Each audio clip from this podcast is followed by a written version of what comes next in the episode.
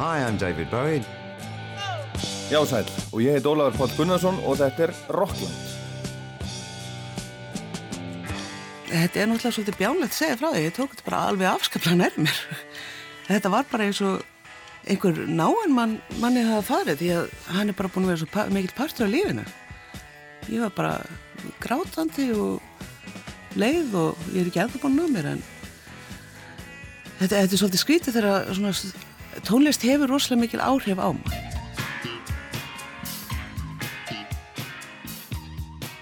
Já, það er svo sannarlega rétt og satt. Tónlist hefur svo mikil áhrif á okkur á allan mögulegan hátt. Og þó svo fólk eins og David Bowie sem lest núna fyrir bráðum að halvu mánuði hafi ekki þekkt mig eða þig, þá þekktum við hann. Hann söng okkur í svepp eða í stuð, við höfum dansað með honum, við sáum hann í bíó, við sáum hann í Skonrocki og MTV á Live 8, við heyrðum í honum í útarpinu, sáum hann á tónleikum, fylgdumst með hans síkvikur reyfingum og breytingum. Við horfum á myndir af honum á veggjónum í herbyggjunum okkar árum saman og hugsuðum svona eru menn svalir. Hann og margir fleiri auðvitað eru yfir og allt um kring allt okkar líf og þetta eru vinir okkar. Þó svo þeir þekki okkur ekki en svo sem talaði hérna á hann og var svona sorgmætt þegar hún frétti af því að hann væri dáinn þekkt hann pínlítið hitt hann okkur sinnum og stóð fyrir einu tónleikonum hans á Íslandi árið 1996 Ragnhildur Hansson Við heyrum betur í henni hérna á eftir og Svönu Gísladóttur frá Akranesi sem vann mikið með honum síðustu mánuðuna sem hann lifði í London, búin að búa þar lengi. Hún gerði með honum myndböndin við lögin Lazarus og Black Star af nýju plötunni og Bái tala líka heilmikið sjálfur og upptökustjórarnir og vinir hans Brian Eno og Tony Visconti. En David Bowie er maðurinn í þessum þætti og þætturum eftir viku. David Bowie er allur, fallegasti maður í heimi, er dáinn. Við lútum höfði, við þökkum fyrir okkur, hækkið í botn ef þið eru á lífi.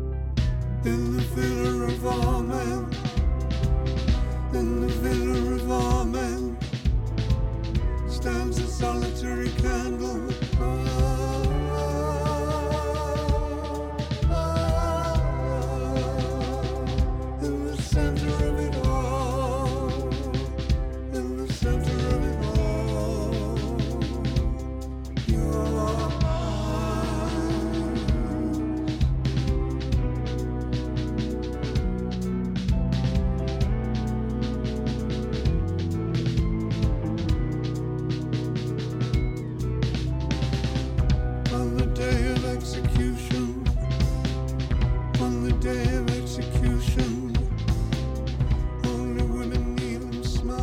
Hvernig þið grunaða þegar þessu var sleppt út í geiminn 19. november síðastliðin að maðurinn, söngvarinn, tónlistamadurinn David Bowie er þið allur dáinn núna í upphafi nýs ás tveimur dögum eftir að platan sem hefst á þessu lægi kæmi út á er að segja 60. og 9. ammælistægin Það vissi engin nema hans nánustu og samstarfsmenn að hann var veikur, væri að glíma við íllvíkt krabbamein Hún er tókst að halda veikindu sínum alveg útaf fyrir sig og sinn þrönga hóp, vinna og samstagsmanna meiri segja fólkið í gömlu hljómsveitinnan sem gerði sömt með honum síðustu blötu á undan þessari nýju, The Next Day, sem kom út öllum á óvurum fyrir tæpum þreymur árum og hafði spilað með honum og túrað með honum síðast þegar hann túraði. Það vissi ekki annað en að hann væri þokkalega heilsur höstur. En Svana Gísladóttir sem hefur búið í London í bráðum 20 ár og starfaði lengst af hjá Black Dog Films fyrirtæki leikstjórnans Ridley Scott en undanfarið í einn fyrirtæki Gísla og Renk. Hún vissi að Bávi var veikur einn á fáum en hún framleiti og gerði með honum myndböndin við laugin Black Star og Lazarus. Um, Já.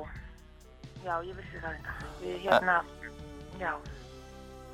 En þetta var samt mikið mikið lindó. Hvers vegna var þetta svona mikið lindarmál alls saman? Ég, ég get mikið svara fyrir hann sko. Ég, ég get náttúrulega ímynda mér og sjálf okkur að það var lindamál en, en ég, við tölum aldrei um það og ég get ekki svara fyrir hans hönd sko en við urðum að vita þetta í rauninni. Það var ekki bara, það var ekki bara sko hérna huglaðar ástæður, það var líka praktiskar ástæður við urðum að vita. Ég menna við erum að vinna með honum náttúrulega um einastu degi fyrir tökur sko og þessum að fá að vita hvenar hann er við og hvenar maður búast við svari og, og, og hvað hann getur unni marga tíma á dag og bara svona praktískar aðstæður sem að, sem að hérna en við vorum einum, við og Jóhann vorum einam fólkið af okkar liði sko sem hafði hugmyndina. Þannig að við, þetta er svona með stærri landamálum sem maður hefur voruð næstir í gegnum tíðina. Já. En höfðu, höfðu veikindin áhrif á svona uh, áhrif á vinnuna? Þú veist, einmitt hvaðan gæti unni lengi og... um, Já, hún þau, já sjálfsögðu, þau höfðu áhrif á það en þau höfðu enga áhrif á vinnuna því að hann var algjörlega sko hérna í smáatriðanum í öllu. Það var ekki eitt einasta e-mail eða, eða uppástunga eða spurning sem fór ósvarað sko. Þannig að ég, ég veit ekki hvernig hann fór aldrei ef ég. Ég veit ekki hvernig nokkuð manneski sem fyrir gegnum svona meðferð og er svona veikur fari að því að bara fungera í lífinu hvað það heldur að í svona hérna kreatífu samstarfi því að Jóhann er náttúrulega mjög intens líka þannig að þeir það hefði engan, engin áhrif á myndi ég segja en það hafði áhrif á vinnutíman En hvernig, hvernig svona fannst þér hann díla við þetta? bara rosa vel bara það var ekki, það var engin í kringum okkur sem hafði hugmynduna að væri veikur sko. því hann var brosandi og, og hlæjandi og, og þess, þú veist, á þessum tímum sem hann gatt verið í kringum fólk sko, þá það hefði engin hugmynd Something happened on the day he died. Spirit rose a meter and stepped aside. Somebody else took his place and bravely I'm a black star. I'm a black star. How many times does an angel fall? How many people lie instead of talking tall? He trod on sacred ground, he cried loud into the crowd.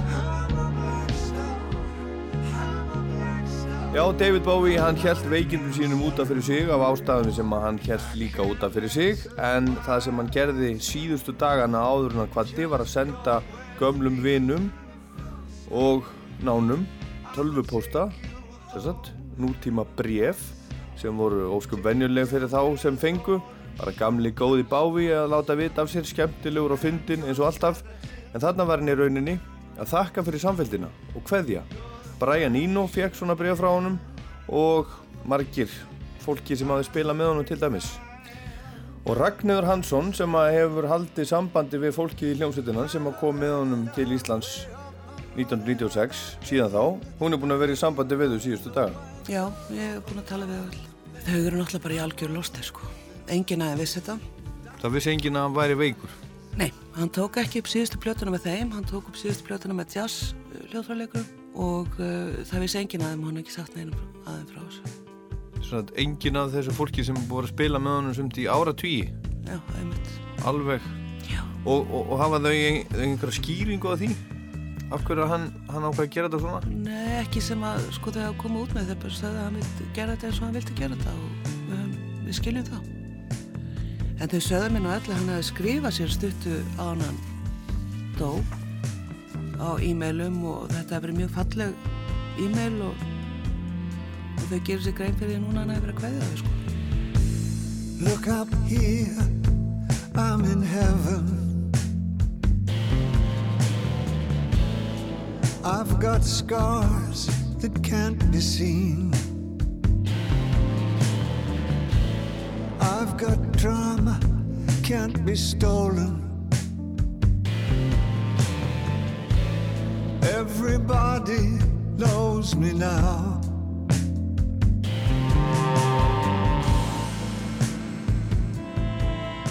Einn af þessum samstagsmönnum Bávi sem að fekk bref frá honum síðustu daga og Ragnhildur var búin að vera í sambandi við var bassarleikarin Gail Ann Dorsey sem að kom með honum til Íslands 1996 frábær bassarleikari og söngkona byrjaði að spila með honum 1995 spilar á Earthling plötunni sem kom út 97 Heathen sem kom 2002 síðustu plötunni fyrir hlið Reality 2003 og svo The Next Day sem kom út 2013 Við skulum heyra hana en að við höldum lengra að syngja með Bávi á tónleikum í Dublin í november 2003 í síðustu tónleikaferðinni sem að hann fór, Reality Tour.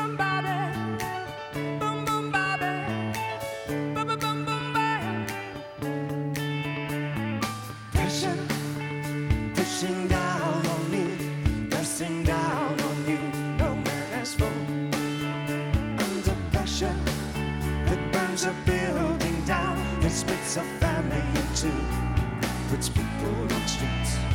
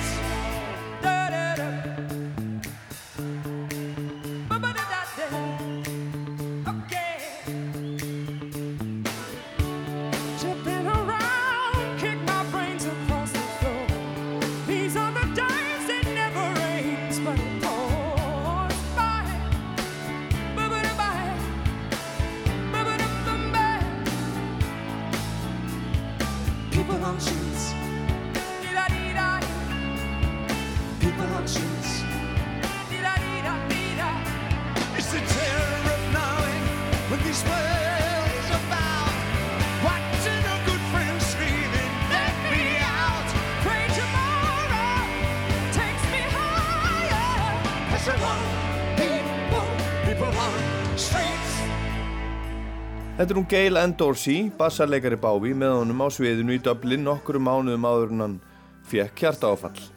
Under Pressure gerir þetta alveg frábælega. En hann var upp á sviði á tónleikum í Þýskalandi setnipartin í júni 2004 þegar hann var skyndilega illt í aukslinni, fór á sviðinu en kom aftur eftir tíu mínútur eða svo, söng tvö lög til viðbótar en gafst á upp. Hann var fluttur á sjúkrahósa sem læknar komist að því að hann væri ekki með klemda taug eins og sagt var í fyrstu, heldur væri hann með stíblaða æð við hjartað. Hann gegst umsjóðalust undir aðgerð sem að er kölluð hér á landi æðavíkkun eftir því sem ég kemst næst og er algeng og, og nýju og hverjum tíu slíkum aðgerðum og minnstakosti hefnast fullkomlega skilst mér.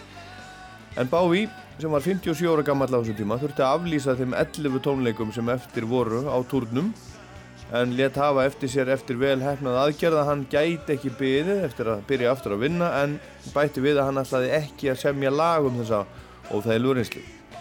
En svo bara gerðist ekki neitt í áratug eða svona hér um byll. Mér langar að fara aðeins yfir það áður en við förum hálfa öld eða meira aftur í tíman og kynnumst hennum unga David Jones sem við þekkjum svo síðar sem David Bowie.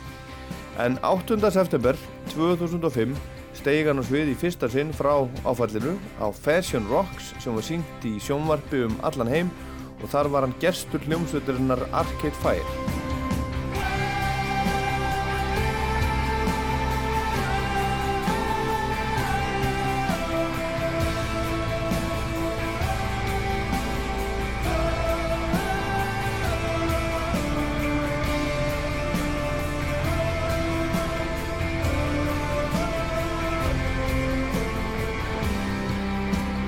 Something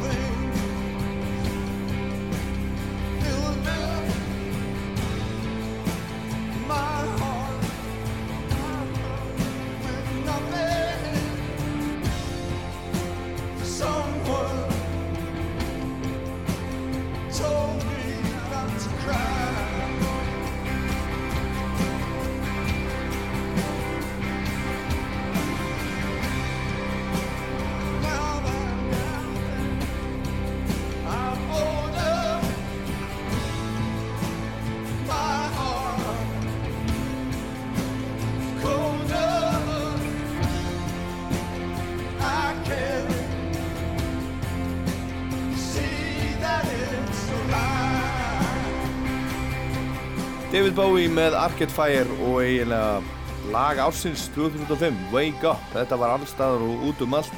U2 notaði þetta sem opnunarlag tónleikaferðar sinnar á þessum tíma, síðasta lagaður en sveitin kom á svið og allt í botni. Og þarna er David Bowie með þessum ungu kanadísku stjórnum á Fashion Rocks í Radio City Music Hall í New York 8. september 2005 og viku setna endur tók hann leikinn með hljómsveitinni á CMJ Music Marathon í New York líka í Central Park og hann söng líka Five Years með sveitinni við þetta saman tækifæri og Live on Mars með aðstopp píjónuleikarnar síns Mike Garson Thank you. How are you doing? You feeling good? All right. Right now, I'm here as a fan.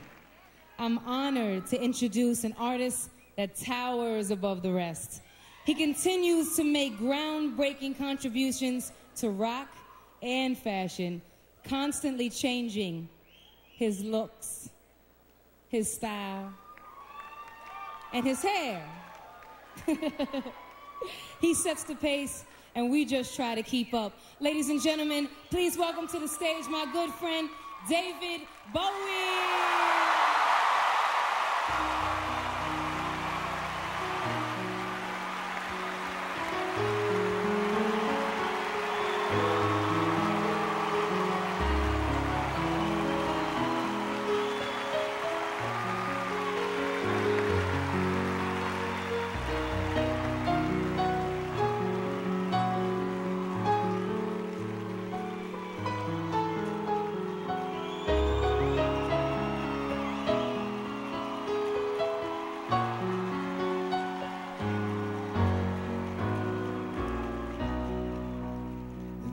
God awful small affair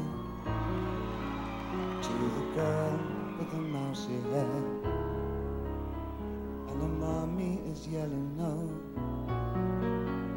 And her daddy has told her to go. But her friend is nowhere to be seen as she walks through the sunken dream to the seat with the clearest view. Þarna sama ár, 2005 við erum stödd þar, söng Bái í bakrættir með hljómsveitinni TV on the Radio sem að kom hingað einu sinni á Iceland Airwaves er með í lægi sem að heitir Pronence á plötu sem að heitir Return to Cookie Mountain. Hann gerði auglýsingu með Snoop Dogg fyrir XM Satellite Radio og hann söng með Lou Reed, gamla vini sínum á plötu dönsku hljómsveitarnar Kashmir lag sem heitir The Cynic. Og tengingin er svo við þessa dönsku hljómsveit er að upptökustjórin þeirra var líka hans gamli vinur og upptökustjóri Tony Visconti sem er líkast til sá sem að hefur unni hvað mest og nánast með Bái hann gerði til dæmis með honum nýju plötuna hægri höndast þar og hann gerði líka með honum síðustu plötu The Next Day. Og hann var líka við stjórnvölin á uh, fyrstu fyrstu plötunni eða annari plötunni sem heitir David Bowie kom út 1969 heitir líka Space Oddity var endur útgefin síðar hann er með á Man Who Sold the World frá 1970 David Live 74 Young American 75 og hann er með á Low og Heroes 77 og plötunni States og svo er hann með á Lodger. Hann gerði með honum Scary Monsters and Super Creeps 1980 og svo er reynda hlýja alveg til 2000 og hann gerir með honum Heathen, Reality, The Next Day og Black Star og heyrum áður en lengra haldið Bávi tala um hvernig var að vinna með Tony Visconti You know, I've always adored working with Tony. I mean, we we made a, a singularly quite lovely body of work. I mean, I, I think the I'm very proud of the albums that we always did together. Uh, and then we fell out as friends in the early 80s, and we only came back together as friends firstly about five years ago. And we then started enjoying each other's company more and more. We resolved our differences fairly easily, as old men do, being wiser and not knowing as much as the young. Where shall we live in this terrible town where the price for our eyes shall squeeze them tight like a fist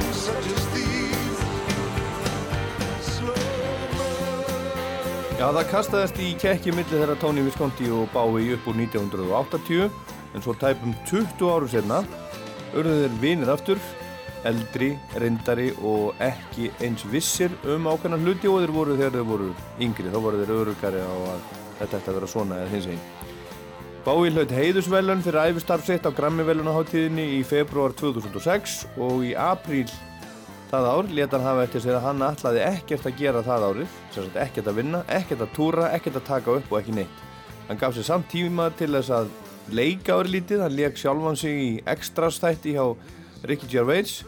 Hann ljær svo illa keisaranum Maltasart í teiknumyndinni Artur og Mínimóðarnir, rödd sína og svo leik hann uppfinningamannin Nikolai Tesla í kvikmyndinni The Prestige. Og svo kom hann óvænt fram á tónleikum með David Gilmour í Royal Albert Hall og söng með honum tvö Pink Floyd lög, Comfortably Numb og Arlond Lane. on old line had a strange hobby collecting clouds moonshine washing line like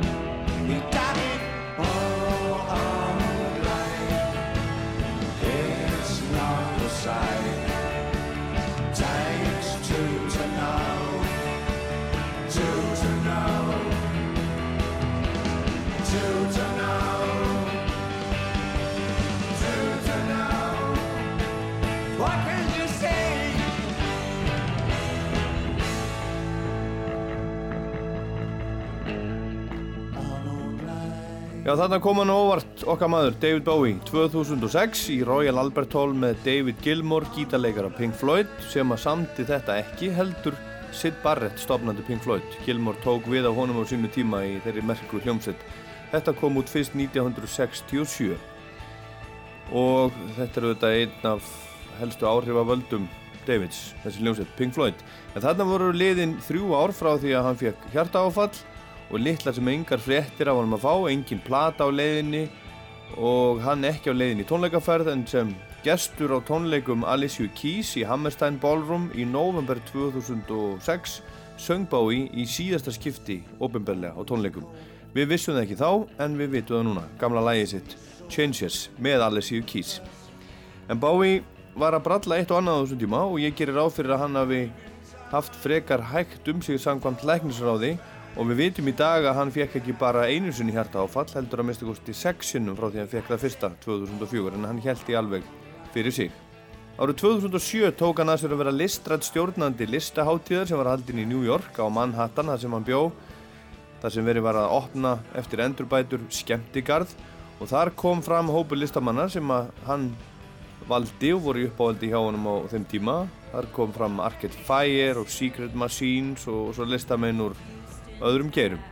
Og sama ár tók hann að þessi hlutverk í sjónvarsmynd um engan annan en Svamp Sveinsson eða SpongeBob. Þar talaði hann fyrir Lord Royal Highness, King of Atlantis. Árið eftir söng hann svo Bakarættir með vinkonum sinni, leik og söngkonunni Scarlett Johansson en hún tók upp og gaf út blödu sem heitir Anywhere I Lay My Head og inniheldur engöngu lög eftir Tom Waits og hann er með henni þar í tveimur lögum Falling Down og Fanning Street. Don't go down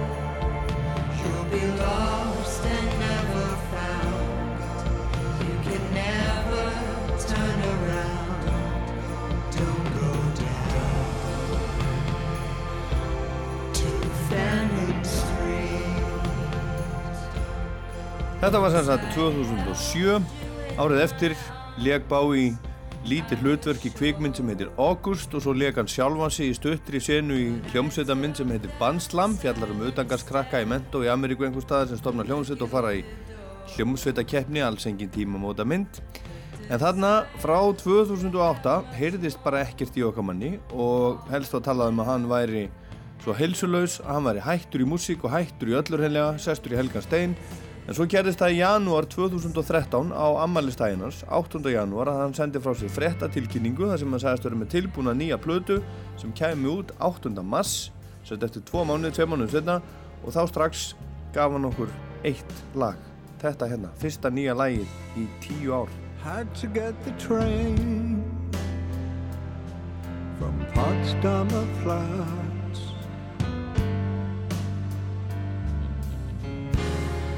You never knew that, that I could do that, just walking the dead.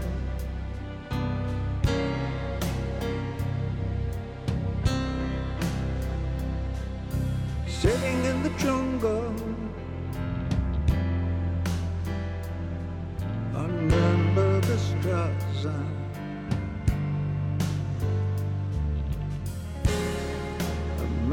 lost in time.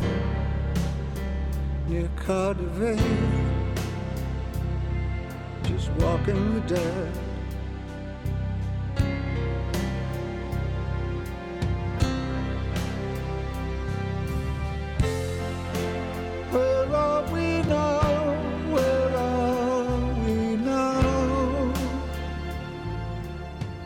Þetta er Rockland, ég heit Ólaður Páll og við erum að minnast og taka ofan fyrir David Bowie í dag. Við förum langt aftur í tíman á eftir en ekki alveg strax. Þetta er fyrsta lægið af uh, Bowie blöðunni sem við fengum að, að heyra. Fyrsta nýja lægi frá honum í áratug. Hann slefti í laus og amælistægin sinn, eins og ég sagði, 8. janúar fyrir þremur árum, daginn sem hann var 66 ára gammal. Þetta er frábært lag, hann er hann að syngja um tíman sem var og daginn í dag, horna tíma og það eru allskins vísanir í Berlín. Þar bjó hann á 8. áratögnum og mörg af hans bestu verkum urðu til þar, segja spekkingandir. En hvað sagði hann svo um þessa plötu? Þegar loksins kom plata eftir tíu ár. Hann sagði nefnilega ekki neitt, ekki orð, ekkert viðtal, hann lind ekkert hafa eftir sér og ekki neitt og kannski líka þess vegna fór músikbransin á hliðina. Þögnin gerði þetta allt enn meira spennandi. Svana Gísladóttir sem að vann með honum talsvert núna síðasta árið, síðustu mánuðina áruna lest, er líklega með réttu skýringuna á þessari þögn. Sko, ég náttúrulega við hérna tengum gegnum þetta með hverjum einasta fjölmjöli og öllum sem við vorum sérstaklega með Panthers að þetta var svo stór saga sko hann að skrifa þetta en ég skil þetta rauninni mjög vel frá hans sjónhómi. Hann hefur ekkert með það að gera að vera í einhvern útvars og sjónvars og blaðaviðtölum. Hann hefur ekki, og um leið að segja já við eitt þá verður að segja já við annars. Leið að segja já við þennan fjölmynd að móðgast hinn og, og þetta er svona ekki pólitík í þessu hérna PR dæmi hjá listamönnum. Ég held að fólk gerir sér ekki grein fyrir því hvað það er mikið pólitík þar. Að það má ekki móðga neitt og það má ekki hérna, taka neitt yfir annan. Og hann ákvað það bara fyrir löngu síðan að hann ætlaði bara að eita sinni orku í að skapa og minni orku í að tala um hvað hann væri að skapa og tólka hvað hann væri að skapa. Og það, hann er eiginlega einn af þá listamennum í heiminum sem í rauninni geta það. Það er ekkert hægt að vera mókaður yfir því, það er ekkert hægt að blamera hann fyrir því og það er ekkert hægt að út, út, útiloka hann fyrir því heldur. Þannig að í rauninni finnst mér þetta eiginlega bara svolítið smart hjá honum að, hafa farið svona að hlutunum því að annars er hann bara gleiftu sko. Hann, fyrir, að þú segir að hann er ekki búin að við vita, hann er ekki búin að gefa það sér kvót einu sinni í mörg, mörg, mörg, mörg ár. Því að hérna alla press releases og allt sem við gerum, það var bara jó í það, því að hann vildi ekki segja neitt sko. Ég finnst það bara töff og mér, ég, myndi, ég, ég, ég er ekki allir listan að myndi gera það saman getum það. Stars are never sleeping. Dead ones and the living. We live closer to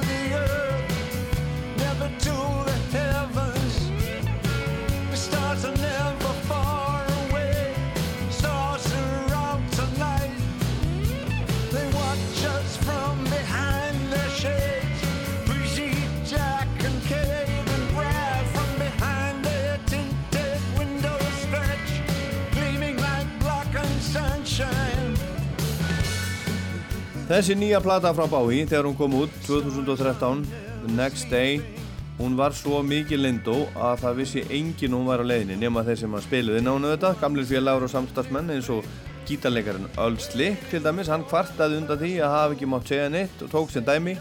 Ég var í forsýðu viðtali í tímaritinu Guitar-Player í desemberheftinu sem er aðal blaðir á árinu, aðal gítarblaði í heiminum og þetta tölublaði tvísvar sem lengur upp í hillum í búðunum en öll hinn blöðin á árinu og ég var hérna að tala um gítarleikin og plötunni Station to Station með Bowie sem kom út 1976 og ég mátti ekki segja orð frá því að ég var að taka upp nýja plötu með Bowie. Með þess að forstjóri Sony Music í Ameríku, Rob Stringer sem er eitt mikilvægasti maðurinn í musikbransanum í heiminum, hann vissi ekki af því að þessi plata væri í bígerð fyrir en bara nokkrum dögum áður en að koma því að fyrirtæki hans gæfi hann út. En við erum hérna í Rockland í dag að minnast og tala um David Bowie, eigum eftir að fara lengra aftur í tíman og heyra í fólki sem að þekkt hann. En platan The Next Day fekk afskaplega jákvæð umfjöldun þegar hún kom út í mars 2013 og fólk var með allskinn spurningar á vörunum hvers vegna núna, hvers vegna svona og hverju segir maðurinn ekki neitt. Upptökustjórin Tony Visconti sá um að segja það sem segja þurfti. Hann sagði til dæmis að þeirra við tekið upp 29 lög fyrir þessa plötu og hann sagði að Bái hefði haft samband bara svona eins og upp úr þurru og spurt hvort hann væri til í að koma kannski með sér í stúdíu láti engan vita, hann langaði að prófa að taka upp nokkrar hugmyndir sem hann væri með. Og platan kom út, þá voru gerð nokkur myndbönd við lög á plötunni, líklega fjögur eða fimm flott myndbönd, hann er og hefur alltaf verið upptekinn allt til enda af myndskreittri tónlist. Og uh, öllu svona útliti, var ekki bara músik heldur líka alltaf sem að maður sá með því En þann 19. februar árið 2014 voru bresku tónlistavellunin aðvend og þar var Bávi tilnæmdur í floknum besti breski sólólistamæður. Og þar voru líka tilnæmdir fjórir ungir menn, Tom Odell, James Blake, John Newman og Jake Bugg. Þannig að það getur verið afið þeirra allra heldig. Og sá sem að afhendi velunin var Noel Gallagher úr Oasis. Við skulum heyra hvað gerðist. And the winner, somewhat predictably, is Mr. David Bowie.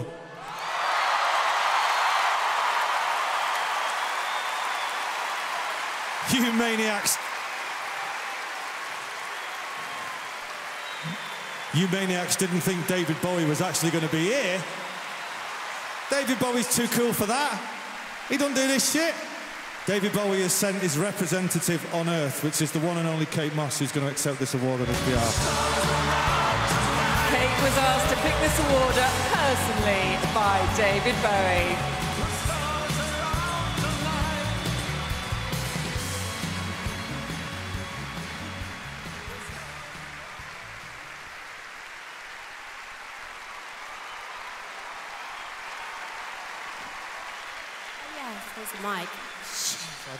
Good evening, ladies and gentlemen. David has asked me to say this. In Japanese myth, the rabbits on my old costume that Kate's wearing live on the moon. Kate comes from Venus and I from Mars, so that's nice. I'm completely delighted to have a Brit for being the best male, but I am, aren't I, Kate? Yes. I think it's a great way to the end of the day. Thank you very, very much. And Scotland, stay with us. Já, takk fyrir það. David Bowie sendi Kate Moss til að taka á móti bresku tónlistavellunum fyrir sig árið 2014, þar sé ef hann myndi fá þau og hún las orðsendingu frá honum sem endaði á skotar verið með okkur áfram og var þá að vísa til þjóðaratkvæða greiðslunar um fullt sjálfstæði skota sem var hérna í september 2014. En þá förum við aftur í tíman.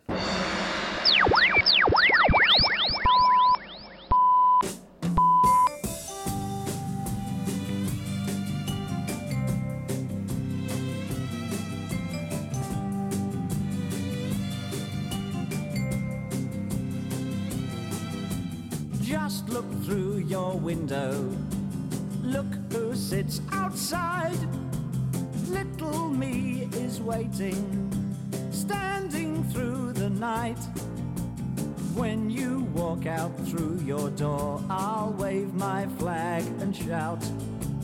Ah, beautiful baby, my burning desire started on Sunday. Give me your heart and I'll love you till Tuesday. Da da da dum. Svona ljómar okkar maður á fyrstu stóru plötunni sinni sem heitir bara David Bowie og er yfirleitt ekki talin með þegar plötunar hans eru taldar upp. Svona svipað og fyrsta plata Bjarkar, badnaplatan sem kom út áratug síðar, 1977, þessi sem Arabadrengurinn er á.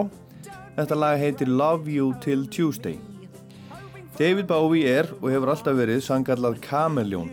En kameljón er fyrir þá sem ekki vita smá eðla sem hefur þann eiginleika hún getur breytt um lit, breytt útliti sínu og fallið inn í umhverfi sitt eða staðið út úr því, hvort sem hún vill. Tónlistarferill hans er engum öðrum líkur og það sem hefur allatíð engjöndan er að hann er alltaf að breytast, oft hraðar en þeir sem að hrifust á honum gátur hennilega sætt sér við. Og það eru ymsar ástæður fyrir þessum uppáttækjum Davids og flestar lógískar þegar það eru skoðaðar ofan í kjölinn.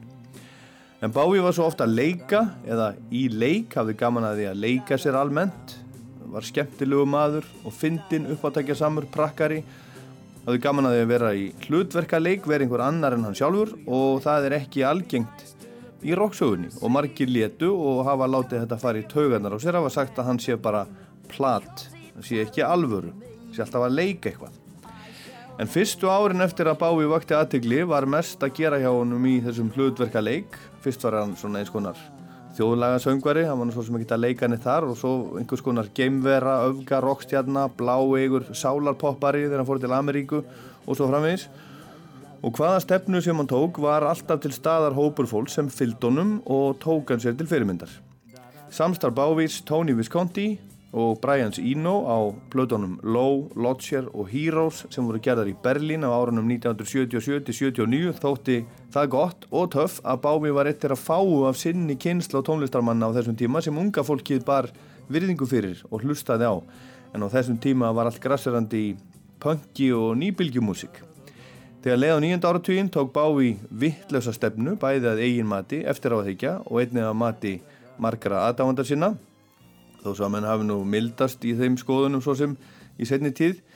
En hann fór að reyna að gera öllum til hæfis einhvern veginn og gaf út plötur eins og Let's Dance sem var mikil meðsölu plata og hefur að geima lög eins og til dæmis China Girl sem var samtið með Iggy Pop og svo titilægið Let's Dance. Að sjálfsögða var fjallað ítala um þessa plötu í albúminu hérna rástu á fáslutaskvöldið en plötuna sem fylgdu í kjölfarið voru Tonight 1984 og Never Let Me Down 87 og síðan kom ekkert fyrir að skipti alveg um gýr, stopnaði hljómsveitina Tin Machine og sendi frá sér plötuna Tin Machine 89, Tin Machine 2 kom 91 og hún var svana söngur þeirra sveitar, hann stopnaði þess að bara hljómsveit.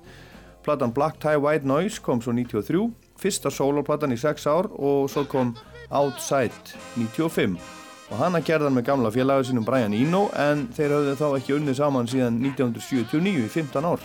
Þeir voru saman að gera plötuna Lodger við möttum að skoða þetta betur hérna síðar en David Jones eins og Bowie heitir raunverulega fættist í Brixton í London 8. janúar árið 1947 nýjóra gammal sagðan öllum sem heyra vildu að hann ætlaði að verða stærsta popstjarnar Bretlands eftir að pappans spilaði fyrir hann plötu með Little Richard What I wanted to do when I was nine years old, I wanted to be the baritone sax player in the Little Richard band.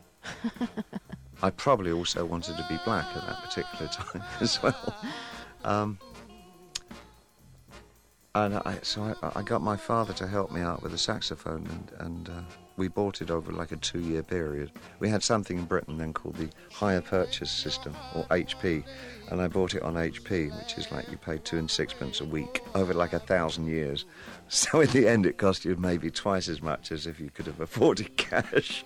And uh, and I started playing around with local rock bands, you know, with the with the alto, and then in a nutshell, somebody fell ill one night, the lead singer of one of the bands, and they, and they knew I could sing, so they asked me if I would stand up. And I quite enjoyed it, actually, I must say, at 14. Um, it was a real trip, you know, to have girls wave at you and smile and everything just because you opened your mouth and sang.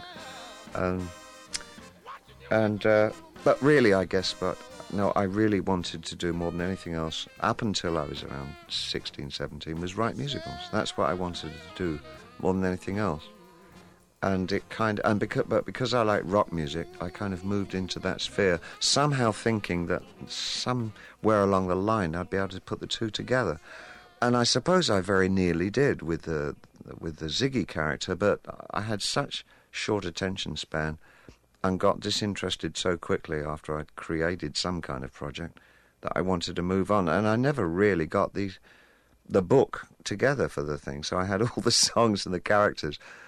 But by the time we'd gotten it on the road and I'd been doing it for 18 months, oh God, I couldn't wait to move on to something else. Bom balloon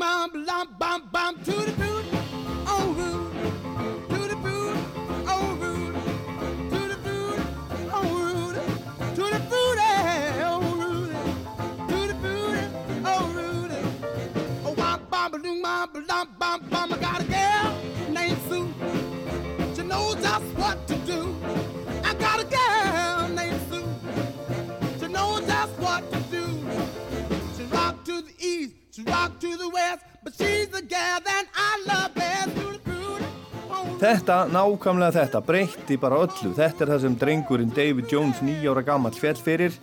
Little Richard, hann langaði mest af öllu að vera baritón saxofónleikari í hljómsveit Little Richard og spila þetta og vera svartur, sagði hann hérna og hló.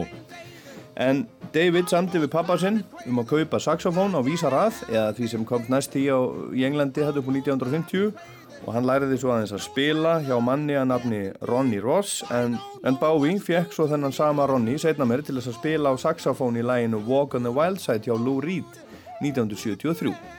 Bowie stjórnaði upptökum á plötunni sem að það er að finna á Transformer, annari sólarplötunans Lou og Mick Ronson var með þeim líka sem að var í Spiders from Mars bandinu með honum senna. En David gekk í tæknimöndaskólan í Bromley þar sem að bjó og þar skemmtist annað augaðans í slagsmálum við bekkjafélaga út af stelpu, hvað annað. Hann og sá sem hann slóst við áttu samt eftir að vera góðir vinir áfram og þessi náungi sem að heitir George Underwood áttu síðar eftir að hanna fyrstu plötuumslöginans, til dæmis Ziggy Stardust and the Spiders from Mars og líka gera plötuumslög fyrir fleiri, til dæmis T-Rex. En hann þótti snemma neyðu til lista, hann Davíð Littli hafði gríðalega áhuga á tónlist og öllu því sem henni viðkom, hljóðfæraleik, söng og líka dansi, þótti svolítið sérstakur, sérvitur, jafnvel svolítið skrítin krakki. Well, my father worked for um, a children's uh, home called Dr. Bernardo's Homes. They're a charity. I see. He was a charity worker, in fact. Uh, my mother was a, um, a housewife. Uh, both from, well, my father was from a farming family, agricultural family in the north of England. And uh, my mother came from a very working class.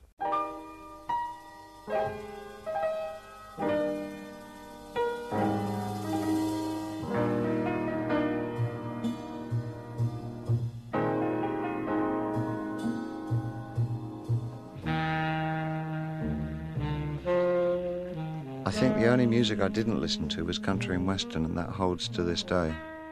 Um, it's much easier for me to say that that that, that the music I, the music, the kind of music I didn't listen to, was pretty much that. I mean, everything from from jazz to classical to popular. Uh, and Tibetan horns uh, were a great part of it in 1966, 67. I love Tibetan horns. Þannig sagði hann frá fjölskyldinu sinni, pappans ólst upp á Sveitabæ í Yorkshire og mammans húsmóður og verkamannafjölskyldu ættu frá Írlandi en pappans starfaði mest á badnaheimili, eins konar munaðarleysingahæli. Og tónlistin sem hann hlustaði á þegar hann var strákur var allt mögulegt, annað en country og western, það hefur hann aldrei fílað, segir hann. En 15 ára gammal hætti hann í skólanum, stopnaði fyrstu hljómsveitina, The Conrads, spilaði þar á gítar, allstar þar sem hægt var að fá að spila, í brúkvöðsveislum og afmælum og svo framvegis.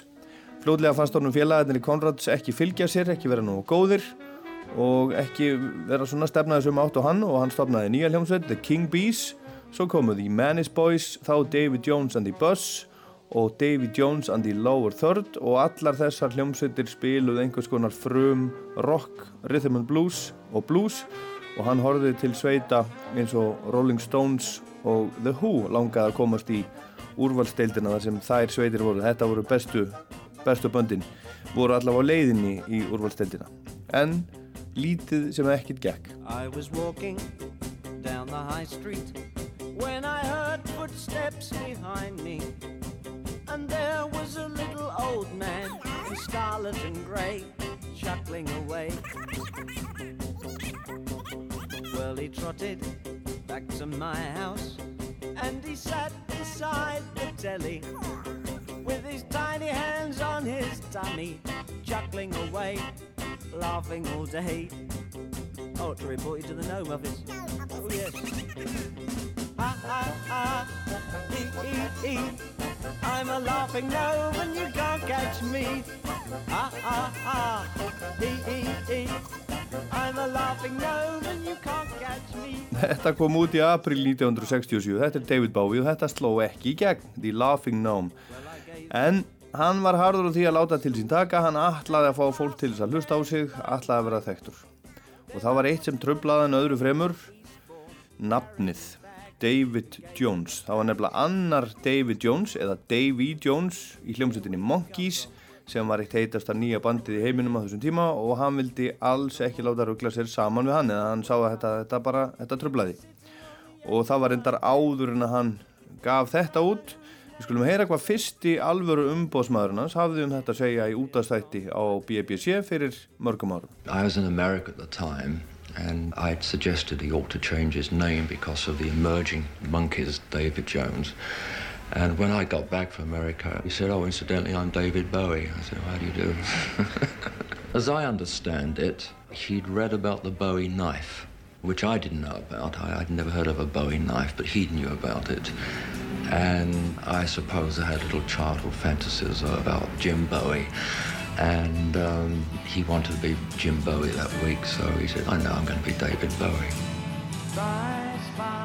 Pretty girl, I see you see me through your window.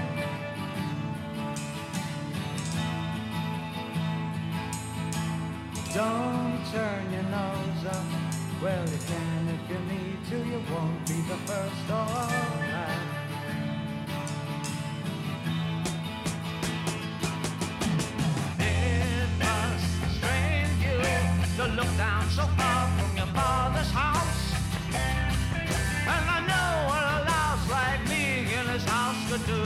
you.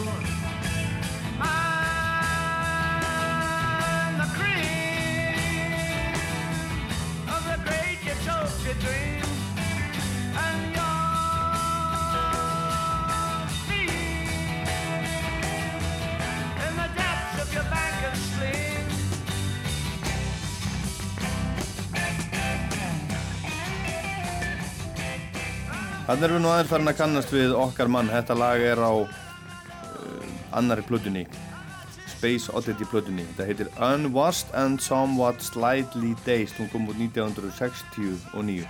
En Bowie var alltaf að reyna að slá í gegn, eins og segir í laginu. En það gekk ekkert alltaf vel hann til að byrja með. Hann var reyndar að umgangast rétt af fólkið og þótti svona spennandi karakter en var ekki alveg búinn að finna réttu hillina. Hann var svolítið á, á, á þvælingi, átti hvergi almennilega heima, átti í stuttum ástarsamböndum eins og gengur með unga menn. Og bjóð svona hér og þar og hann og Mark Bolan eruðu vinir á þessum tíma. Og hann fór í tónleikaferðum Bretland með hljómsveitina hans eða dúónu, þeir voru bara tveir, Tyrannosaurus Rex. Setna var T-Rex eins konar svona boogie, glam, rockband en til að byrja með var þetta allt öðruvísi, bara svona kassagítar dúó. Og Bowie svo fór sagt með sem fyrsta upphittun á númer og mæmaði. Hann var ekki að syngja eða spila hann var bara einhverjum búningi upp á sviði og mæmaði. Var að spila einhver, einhver lög og, og hann var að hreyfa varirnar með. Og þetta gekk svona svona en David Tinnungi var að minnstu kosti til að prófa ímislegt, hann var að réttri leið að minnstu kosti einhverju leið. I think everything that I learned about stagecraft um, and, and carrying through, ca- creating a through point for a theatrical device. Uh, I think uh, Lindsay Kemp really introduced me to the work of Jean Genet, and, and through that, um, I kind of kept re-educating myself about other um, prose writers and, and poets. Uh, I, he, he instigated, he opened an awful lot of doors for me in terms of a new approach to what I could do. I could never have done what I did without being in, uh, involved with Lindsay Kemp's company. Bowie kynntist dansaranum Lindsay Kemp árið 1967 og læriði hjá honum eitt og annað og heilmikið sem hjálpaði hann að verða sá sem hann varða á endanum og með þessum látbræðsleik og námi var lagður grunnur af því leikhúsrokki sem Siggy Stardust var og þar komu hugmyndirnar að því að blanda saman ólíkum listformum og gera eitthvað. Þetta var alveg nýtt. En 1966 þremur árum áður en þessi plata kom út, byrjaði David Jones að kalla sig David Bowie. Og árið setna kom fyrsta platan hans út. Hún heitir David Bowie, eins og önnur platan, hún vakti litla aðtigli en þessi nummer tvö er yfirleitt kölluð reyndar Space Oddity í setjum tíð. Eftir læginu Space Oddity sem að sker sér talsvert úr þar. En það er í rauninni lægi sem kom honum á kortið. Tony Visconti sem gerði til dæmis með honum nýju plötuna Black Star, upptökustjóri, líkil maður allan feril Bowies, hann stjórnaði upptökum á þessari annari plötu árið 1969. My boss said, uh, You seem to have a, um, uh, an ability to work with these odd musicians. so I've got another one for you. And he played uh, David Bowie's first album that he made for DRAM, I think The World of David Bowie it was called.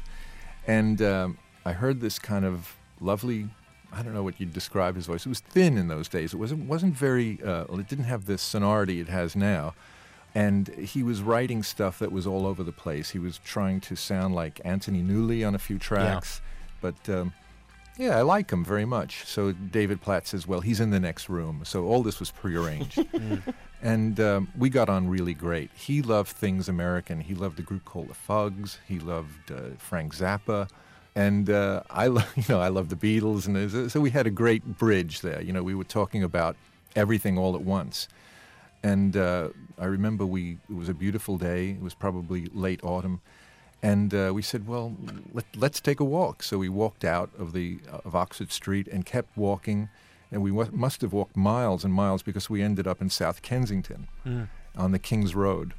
And uh, I remember Knife in the Water was playing in this art film. And by then we established that we both liked scratchy black and white films. Didn't matter who made them, as long as they were scratchy and black and white. And they were foreign, you know, they were in French or Italian, or in this case, Polish. And uh, we went to see A Knife in the Water by Roman Polanski. And uh, that was how we spent our first day together. It was just amazing.